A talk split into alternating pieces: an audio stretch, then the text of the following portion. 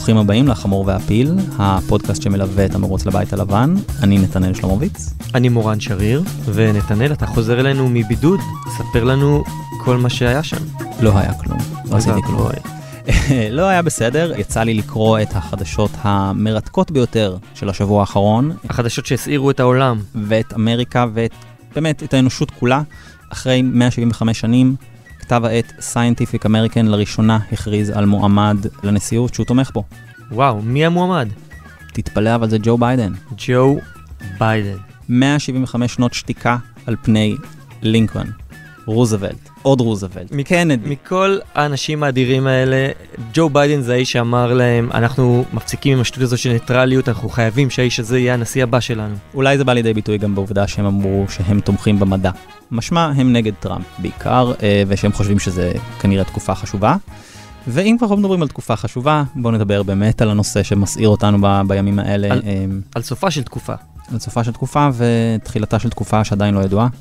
היום אנחנו נדבר על מותה של השופטת אה, רות ביידר גינזבורג, אייקון, על ההשלכות הפוליטיות כמובן, ועל הקמפיין של אה, איך זה השפיע, ועל בעצם השאלה הגדולה יותר של למה בית המשפט העליון הוא כל כך משמעותי במערכת בחירות בארצות הברית. אבל אולי לפני זה כמה פרטים. כן, רות בדר גינסבורג מתה השבוע והשאירה את בית המשפט העליון עם אה, שמונה שופטים בלבד. טראמפ הודיע שהוא לא יחכה והוא ימנה שופטת במקומה עוד לפני הבחירות. מיץ' מקונל, מנהיג הרוב בסנאט, הודיע שהוא ירוץ קדימה לאשר את המינוי הזה עוד לפני הבחירות. הדמוקרטים משתוללים כמובן, הם אומרים שצריך uh, לחכות עם זה, וכרגע הזירה הפוליטית מדברת רק על זה. אז בואו נשמע מה טראמפ יש לו לומר.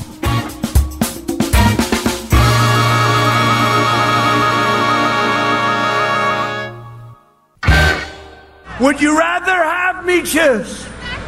This very scientific poll. Actually, it's a lot more accurate than these polls that interview like 97 people have been interviewed. Then, you know, they charge you a million dollars and they probably don't interview the people. They sit behind their desk and just uh, Would you rather have a woman on the Supreme Court? Yes, woman, yes.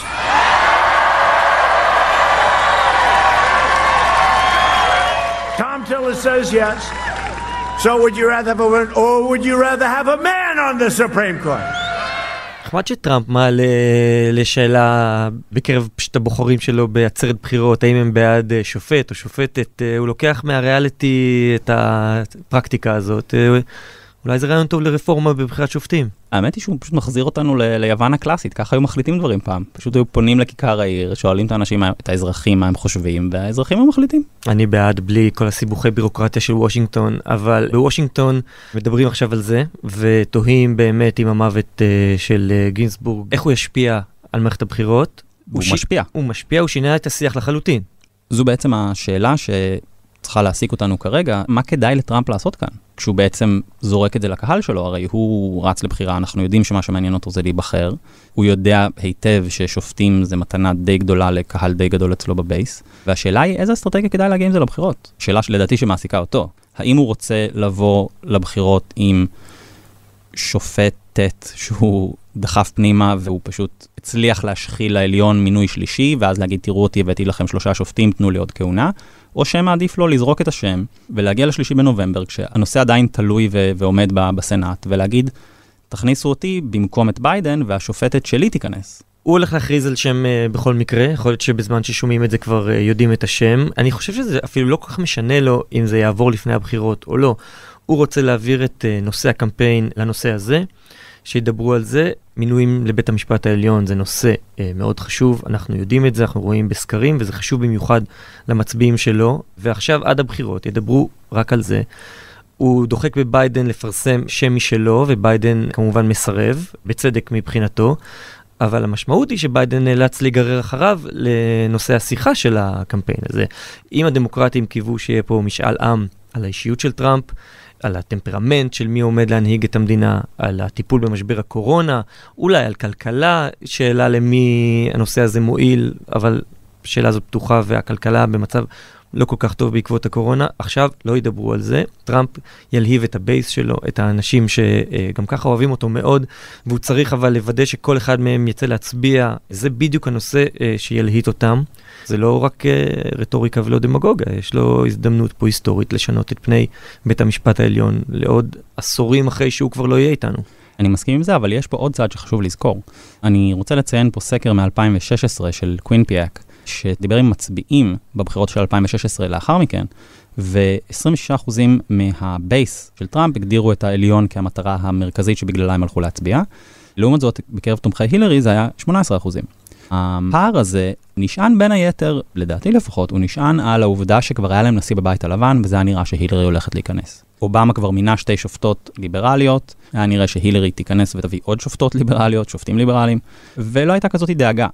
מה שיש עכשיו בשינוי הנושא, זה שפתאום יש לך נרטיב תקשורתי שרץ כבר חודשים ארוכים, שביידן הולך לנצח, ופתאום עכשיו יש נרטיב תקשורתי של טראמפ רוצה להכניס שופטת עליון נגד הפלות.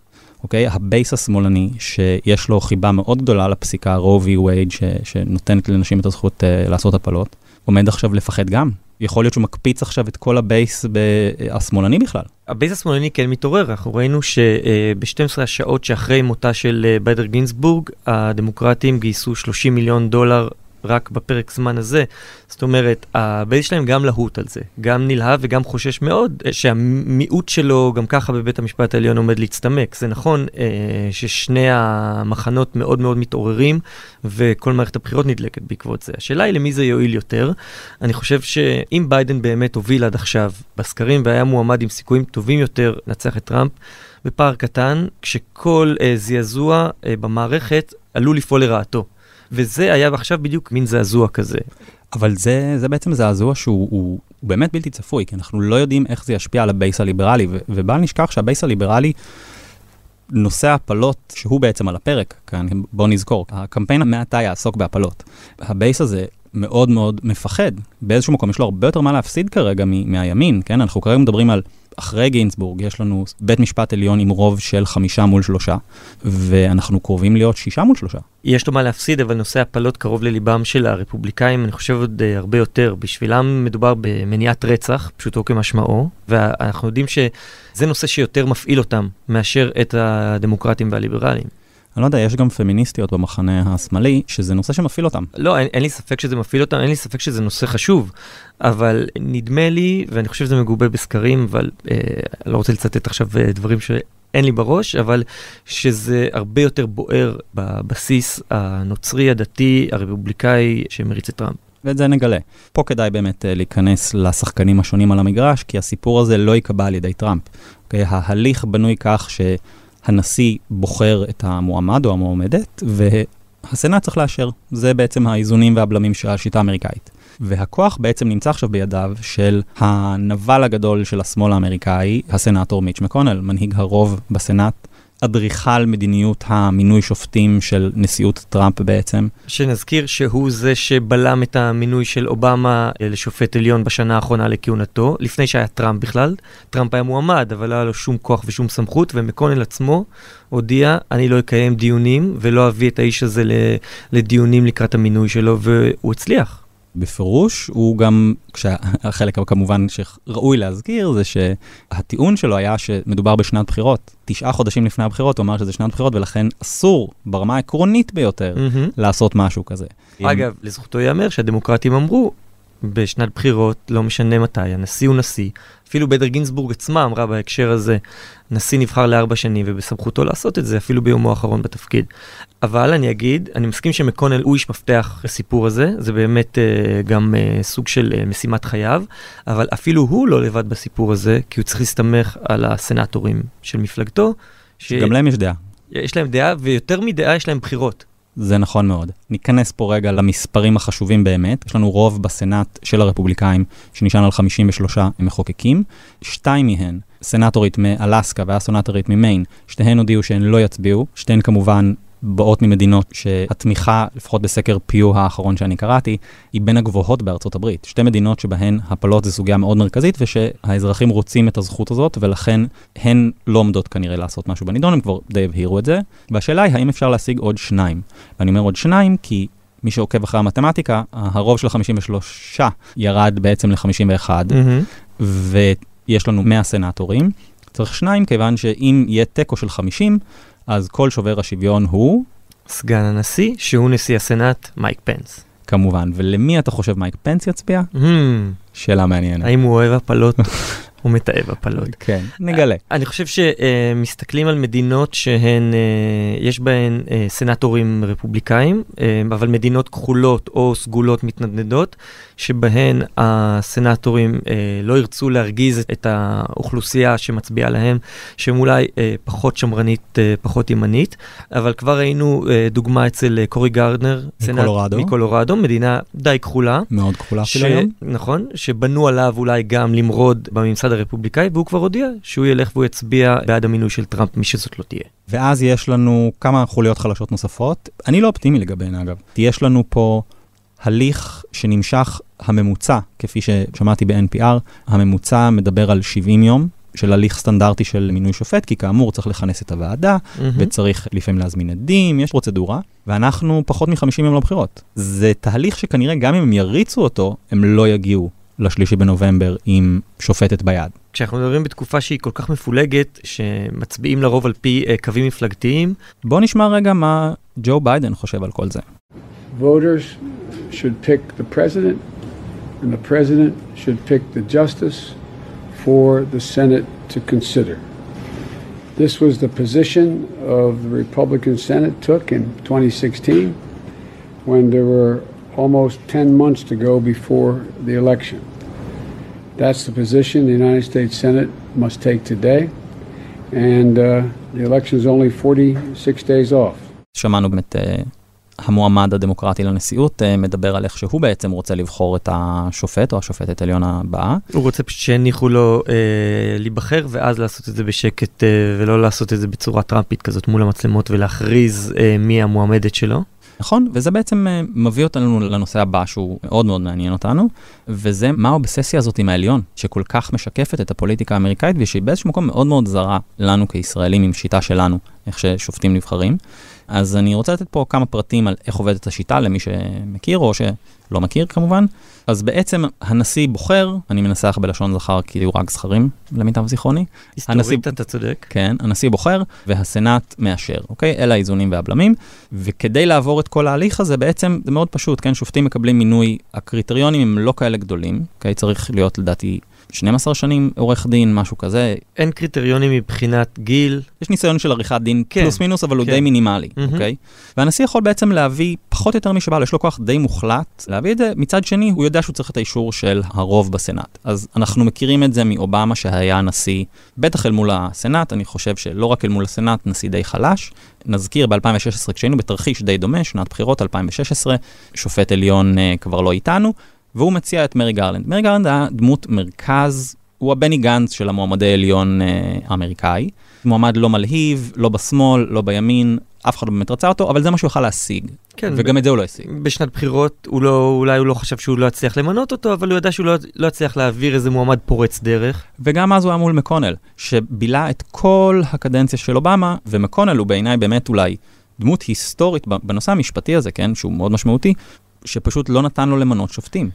ואנחנו מדברים על, על כל הערכאות, שזה בעצם מה שמקונל עשה עם שימוש ב, בכלי המאוד שימושי המכונה דונלד טראמפ. אני מנסה לחפצן אותו, כי בהקשר הזה אין בן אדם יותר מחופצן ממנו, הוא רק צינור למועמדי עליון ולשופטים אחרים. ובתקופתו הוא מילא בעצם כ-200 תקנים של שופטים פדרליים עם כהונות לכל החיים, חלקם אנשים בשנות ה-40 לחייהם. זאת אומרת, הנכדים שלי יושפעו מהפסיקות האלה לכאורה, וזה בעצם המורשת של מקונל וטראמפ כרגע. וכרגע הם עם רוב בעליון, חמישה נגד ארבעה, וזה המסגור של הוויכוח כרגע. האם אנחנו מגיעים לעליון שיהיה על פני כנראה לפחות דור ימני, כפי שהוא כבר כרגע, אבל זה ממש יבצר את מעמדו מכאמור חמישה מול ארבעה אל שישה מול שלושה, זה הבדל קריטי שילווה אותנו לפחות עשור או שניים. זה אם איזשהו נשיא שמאלני ינצח כמו ביידן, אולי גם אחריו, וימנה אחרי זה עוד שופטים. ועדיין הימנים מאוד מאוד אובססיביים לשלוט בכל העליון. מה אתה חושב על זה? שהם צודקים. תראה, כל אחד בעד כוח, כל אחד רוצה שיהיה לו כוח. כן. השאלה היא באמת למה לרפובליקאים זה יותר חשוב אה, מלדמוקרטים. לא שזה פחות חשוב לדמוקרטים, אבל לרפובליקאים אני מסכים שהם אה, מאוד מאוד אובססיביים לזה. אנחנו גם ראינו, אגב, אה, בית משפט ימני, שלבית המשפט בתקופות מסוימות בהיסטוריה יש נטייה לאזן את עצמו. ראינו גם הרבה שופטים רפובליקאים שמונו כדי להגשים ערכים רפובליקאים והם נסחפו שמאלה. הם ישבו אולי עם כל מיני חבר'ה ליברליים, אם זה השופט קנדי שמונה על ידי רייגן, סאוטר מונה על ידי בוש האב. אתה אומר שהם הושפעו מלחץ חברתי? אולי הם התחילו לעשן פתאום? הם, הם ראו את המקובלים, את uh, גינזבורג ו- והחבר'ה, והם פסקו פסיקות שאני מניח שמי שמינה אותם לא העלה על דעתו שהם יפסקו כך. זה קצת יותר מורכב, כי אנחנו מכירים את זה גם מישראל, אוקיי? אנחנו ראינו את זה עם, עם הביקורת על השופט סולברג בין היתר, אבל מה שהימין הפוליטי לא מבין זה שהימין המשפטי שלו הוא לא אותו דבר. אגב, גם השמאל לא תמיד מבין את זה על השמאל המשפטי. כשאנחנו מדברים על ימין משפטי, אנחנו... בוא... שמרנות, מה שמכונה. משפטית. אני חושב שזה אפילו, כן, שמרנות משפטית, כך או כך, כאילו, mm-hmm. זה ימין. נגיד, קח את השופט רוברטס, שהפך להיות הנבל בתוך הימין, או בתוך מחנה בימין. הוא נשיא העליון, ג'ון רוברטס, מונה על ידי ג'ורג' בוש הבן ב-2005. באמת, דמות שהוא היה סמן ימני כשהוא נכנס, והיום הפוליטיקה כל כך זזה והשופטים שטראמפ הכניס כל כך ימינה, שהוא פתאום הפך להיות דמות מרכז ואפילו לשון מאזניים בפסיקה כזו או אחרת, כן? ובשנתיים האחרונות היו כמה שעצבנו את טראמפ. נזכיר את הפסיקה בנושא נישואי להט"ב. למשל, טרנסג'נדרים במקום העבודה. נכון, וחוק הבריאות. אני רוצה לחזור לפסיקה אחרת דווקא, שרוברטס מצא את עצמו מצביע עם השמאל בחודשים האחרונים נגד מדינת לואיזיאנה, שהעבירה איזשהו חוק שבא להקשות על הפלות. דרך איזשהו, תמיד כאלה לופ הולס קטנים של אה, הרופא צריך רישיון כזה, משהו כזה. השטן תמיד נמצא בסעיפים הקטנים האלה. בדיוק, ומדינת לואיזיאנה רצתה לעשות את אותו דבר, ורוברטס פסל את זה, הוא הצטרף לליברלים ויצא נגד זה. עכשיו, הסיבה שהוא הצטרף לליברלים זה לא מהסיבה שליברלים הצטרפו לליברלים, זה מהסיבה שהם פסקו בתיק ובחוק כמעט זהה שטקסס עשתה לפני כמה שנים, ואז הוא הצביע דווקא לתמוך בחוק של טקסס. זאת אומרת, הוא הצביע בעד חוק נגד הפלות בטקסס, כמה שנים אחר כך, כשלואיזיאנה עושה אותו דבר בדיוק, הוא נגד. הסיבה שהוא היה נגד ועצבן הרבה שמרנים, זה שהוא כימין משפטי, ואני מדגיש משפטי, הוא מאמין גדול בתקדימים. מבחינת הימין האמריקאי, החוקה היא מסמך פחות או יותר אלוהי, יש להם פטישיזם למסמך הזה ברמה קיצונית, השמאל מגדיר אותו כמסמך חי שצריך לפרש כל הזמן. מבחינת הימנים זה תורה מסיני, והם יושבים ומהרהרים לעצמם מה המילטון היה עושה כל היום. ככה הם חיים. עכשיו, הימין הפוליטי, לא מתנהג ככה, הם חיים את הריאל פוליטיק שלהם, כן? אין להם קביעות, הם צריכים כאילו לעמוד לבחירה, ולכן הם מוצאים את עצמם בהתנגשות הזאת מדי פעם. כלומר. הוא נשלח כדי להגשים אה, איזושהי אידיאולוגיה פוליטית, הוא לא הצביע עם צו אה, מצפונו נגיד האישי, אלא עם מצפונו המשפטי. כן, ואני חושב שאגב עניין הקביעות פה הוא באמת פקטור, שהוא לא עומד לבחירה. ברגע שהכנסת מישהו לעליון, הוא יכול לעשות מה שבא לו. תראה נגיד את uh, אנטוני קנדי, כן? היו לך דמויות כאלה שבחר אותם נשיא אחד, והם באמת ערקו למחנה אחר ברגעים מסוימים. רוברטס היה ונשאר ימני, הוא הצדיק את הפסיקה שלו בלואיזיאנה באמצעים ימניים לחלוטין, רק ששוב, זה לא חפף את האג'נדה של מחנה הימין באותו רגע, אוקיי? כי המחנה משתנה והאג'נדה שלו משתנה. אגב, אני רוצה שנשמע איזה התבטאות של הסנאטור טד קרוז, שמסביר איך הוא בעצמו היה נגד המינוי של גרלנד בשנת בחירות כשופט, ואיך עכשיו הוא דווקא פתאום שינה את דעתו. Look, we had this fight at the end of the Barack Obama uh, term, and, and at the time, all the Democrats were saying, confirm the nominee, confirm the nominee, and all the Republicans were saying, we're not going to confirm the nominee. And so we've got a situation, you just played a quote from me in 2016. We can play that game all day long. שמענו את הסנאטור טד קרוז, שאגב הופיע ברשימה שטראמפ הפיץ לפני, לדעתי, שבועיים, שלושה, של שופטי העליון שהוא רוצה למנות, כן. כמו שהוא עשה ב-2016. Mm-hmm. הוא שם את טד קרוז, שרץ נגדו ב-2016, שזה מעניין. כינה אותו קריפי טד. לדעתי הוא האשים את אבא שלו ברצח קנדי, פחות כן, או יותר. כן, בדיוק.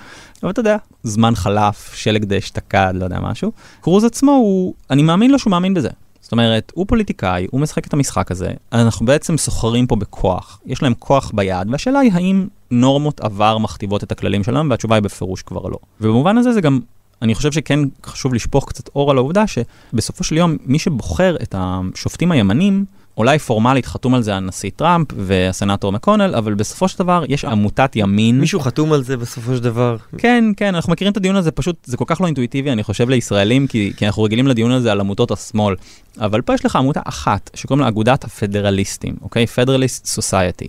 הם תופעה היסטורית מרתקת של כמה כוח אפשר לצבור כשפוליטרוק אחד מעז. מעז לזהות, אגב, אה, מה מוקד הכוח שהרבה לפניו לא ידעו לשים עליו את האצבע. בפירוש. ו- ו- ולנהל את זה בצורה מאוד מאוד מרוכזת וחותרת למטרה. נכון, זיהוי הבעיה ו- ופתרון uh, חכם. גם פה זה מתחיל בהפלות, בפסיקת רובי וייד uh, ב-73, שבעצם הימנים גם תמכו בה. זאת אומרת, זו לא הייתה סוגיה שנתפסה אז כימין או שמאל, כי הדתיים עדיין לא נכנסו, האוונגליסטים, הם לא ממש נכנסו למשחק הפוליטי עדיין, כן, רייגן עדיין לא הכניס אותם פנימה, והימנים אה, מצאו את עצמם אומרים, רגע, אנחנו כל פעם ממנים שופטים, והם כל פעם יוצאים נגדנו. הם בורחים לנו שמאלה. ממש, מה, מה הסיפור? זה לא עובד ככה. ואז אמרו, בוא נזהה אותם בינקות הפוליטית, והינקות הפוליטית כידוע היא הקולג'.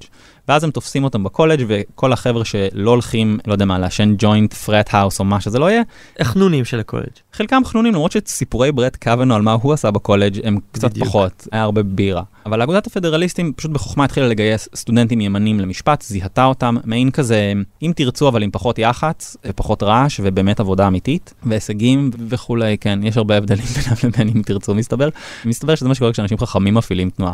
אז הם פשוט איגדו את המשפטנים הימנים והם התחילו לפעול כרשת קשרים שבעצם מרשתת את הימין המשפטי בארצות הברית.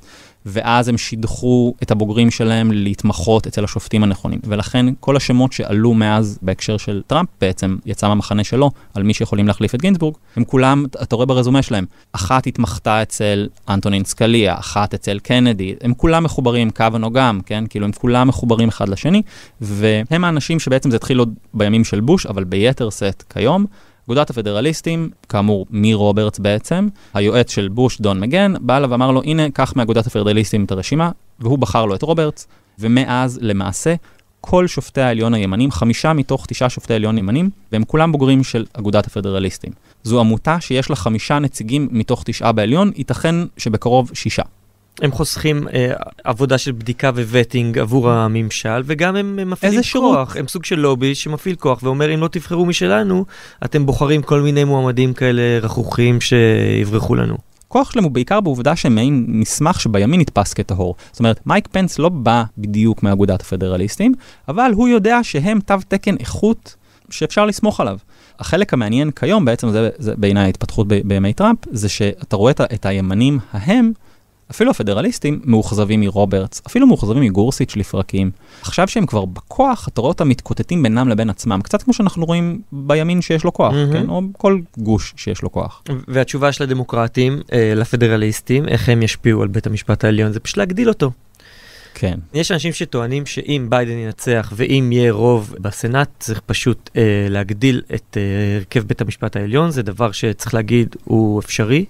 בחוקה לא כתוב כמה אנשים אה, אמורים לכהן בבית המשפט העליון, ובעבר המספר הזה השתנה, היה באיזה שלב עשרה, שבעה, זה משתנה.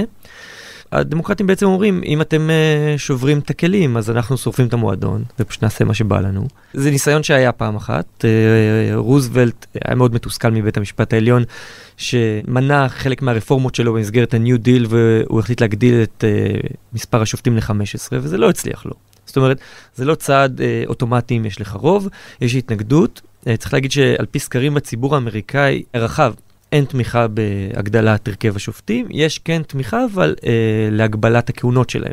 אני חושב שזה מעניין, כשמשווים את זה בעצם לפוליטיקה נגיד הישראלית, אני מצטער שאני כל הזמן גורר אותנו בחזרה למדינה הקטנה הזאת. לא, לא, פה אנחנו חיים. אתה דן בעליון האמריקאי, אתה שם לב להבדל של מה שנתפס כאיזשהו דיון מהותי בין ימין לשמאל, הוא בעצם דיון מהותי בין קואליציה לאופוזיציה, או כוח לבלי כוח. כי אתה רואה כרגע את הימנים בארצות הברית, שהם שולטים בעליון, כי הם שולטים בבית הלבן, אוקיי? יש מערכת שהיא שקופה. המינוי שופטים, בניגוד למצב אצלנו, שהוא מתנהל בחדרים סגורים על ידי כל מיני אה, פקידים ושופטים וכל מיני דמויות לא נבחרות בעצם, אה, שמנהלות את ההליך. אפי נווה היה בוחר שופטים פעם, בוא נזכור את זה רגע. ובארצות הברית הכל שקוף. הנשיא אומר לציבור, זה המועמד שלי, הוא מציג אותו, חושף אותו כמו, כמו מכונית חדשה.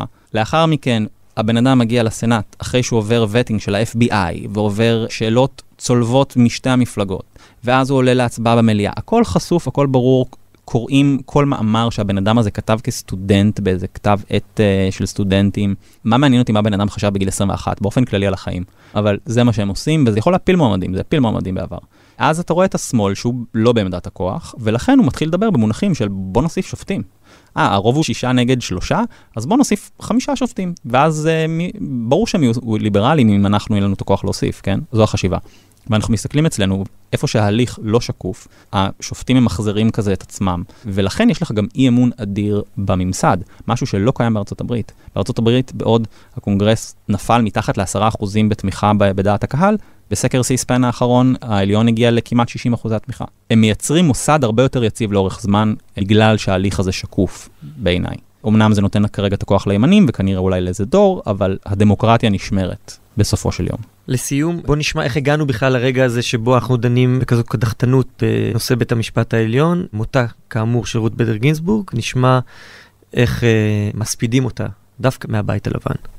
I remember uh, being at law school at Harvard where Ruth Bader Ginsburg went when she was um, one of nine women out of a class of 500. When I went there, uh, more than half or around that were women. She paved the way. And I remember you always paid a little bit closer attention when it was a Scalia dissent, when it was a Ginsburg dissent. Uh, these people just left their legacy on the court. Ruth Bader Ginsburg, notably going to law school. Her husband gets cancer. She's raising a three year old uh, on the law review. She really really paved the way. She's made a place in American history that will never be forgotten. שמענו עכשיו את קיילי מקנני, דוברת הבית הלבן, לא המספידה המובנת מאליה שהיינו מצפים, אבל אני חושב שפה אנחנו בדיוק רואים את הגדולה של RBG בראשי התיבות שלה, של השופטת uh, שהלכה לעולמה. אפילו דמות כמו מקנני, שהיא ימנית לחלוטין, אבל היא בוגרת לימודי משפטים בהרווארד, מתארת בהערצה, והמונולוג הזה ארוך יותר, כן? היא באמת באמת מעריצה את uh. בתור אישה ימנית, והיא מתארת בנשימה אחת איך היא הצליחה להשתלב במקום העבודה ולהצליח בקריירה שלה ולהתפתח. ובו בזמן היא גם מתארת איך זה נתן לה את החופש להילחם במתנגדי הפלות. אני, חושב שזו הגדולה, אגב, של גינסברג, הגדולה שלה היא לא בכך שהיא שופטת ליברלית שמאלנית עקבית שנלחמה על הערכים האלו, אלא שהיא נלחמה בשביל משהו גדול יותר. במקרה הזה נשים, אז נשים מכל הסוגים, לא רק שמאלניות וכאלו שמאמינות בדברים שהיא מאמינה בהן, אלא לתת עוד הזדמנויות ואפשרויות לכולן, כולל, כמו שאמרת, למקנני ואחרות. ואפילו הייתי מרחיק ואומר שמה ששמענו כרגע זה בעצם מבחינתי הכרזת הניצחון של RBG. וחשוב לזכור כי הפמיניזם יש לו איזשהו שם כזה כללי, אבל כתנועת שחרור פוליטית, אז לא במקרה מדברים עליה בגלים, ו-RBG הייתה חלק מהגל השני, הגל שדרש שוויון זכויות אה, בפני החוק, בעבודה, ובעיקר משהו באמת משפטי. היא לא הייתה חלק מהגל, בוא נגיד, שבא אחר כך. כשאנחנו מדברים על פמיניזם כיום, אנחנו מדברים על כל מיני נושאי דיון אחרים כבר, שהתנועה הזאת אימצה לעצמה עוד אג'נדות. אבל האג'נדות שהיא באה להילחם בהן כאקטיביסטית בשנות ה-70, כעורכת דין באגודה לזכויות האזרח, היא פשוט ניצחה. זאת אומרת, ברגע שאנחנו רואים מישהי ימנית, הכי חשוכה שיש, אבל היא פתאום מושלת אלסקה, או שהיא דוברת הבית הלבן, וכשהיא מעריצה את uh, גינזבורג, היא מתארת על איך היא הייתה סטודנטית למשפטים והיה לה גם ילד, אוקיי? זה מה שהיא לוקחת ממנה, וזה יפה שיש לה מה לקחת ממנה. ואני אומר, במובן הזה, הפמיניזם של RBG ניצח נקודה, והיום יש איזשהו ויכוח על גלגולים חדשים של, של פמיניזם. אני חושב שהגלגולים החדשים הפכו אותה לאייקון, אייקון קצת שטחי בעיניי, עם המון ממורביליה אה, נכון. uh, וממס. מאוד אמריקאי. מאוד. Uh, השטיחו קצת את הדמות שלה, הפכו אותה לסוג של פרידה קאלו, או ל-AOC, שכאילו אין הבדל uh, בין כולן, אבל כאייקוניות, אבל שהרוויחו, לא כולן אגב. אבל רות בדר גינזבורג בהחלט הרוויחה את המקום שלה על המקרר הזה, אם אנחנו מדברים עכשיו על מגנטים שקונים בחנויות מזכרות, לחלוטין, דמות אה, אחת המשמעותיות ביותר במהפכה הזאת, בגל השני הזה שדיברת עליו. בוא נגיד, יכלה במותה או בפרישתה המוקדמת מכס העליון אה, לסיים את המהפכה הזאת, אפילו עם להכניס עקב קצת לרפובליקאים, אם הייתה פורשת אה, בזמן, אה, בתקופת אה, ממשל אובמה, ונותנת לו למנות אה, למחליפה, למרות שכבר ראינו שאובמה לא תמיד נותנים לו למנות אה, מחליפים. בדיוק.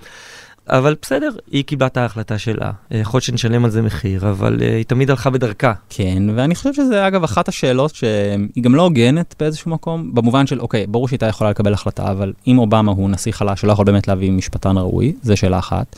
מצד שני, זה מינוי לכל החיים, אתה לא יודע כמה תחיה. היא ניצחה את הסרטן איזה כמה פעמים, היא יכלה להרהר בזה שאולי תנצח עוד פעם, ושהיא תחזיק עוד חודש, כאילו, אתה יודע, אתה, אתה לא יודע. אולי בנתה על זה שהילרי תנצח ותמנה לה מחליפה. סביר להניח שהיא בנתה על זה, רובנו. היא, היא לקחה הימור.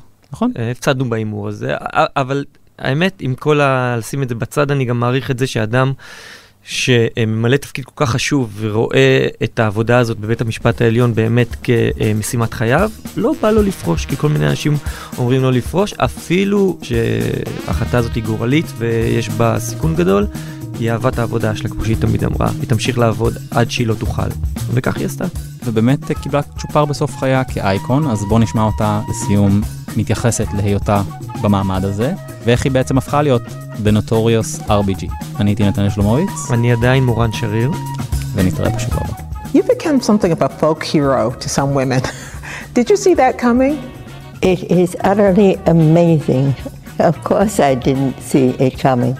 I certainly was given a, a, a tremendous boost into the public arena by the notorious RBG. When I was asked about it, I said, well, it's exactly right because notorious B.I.G.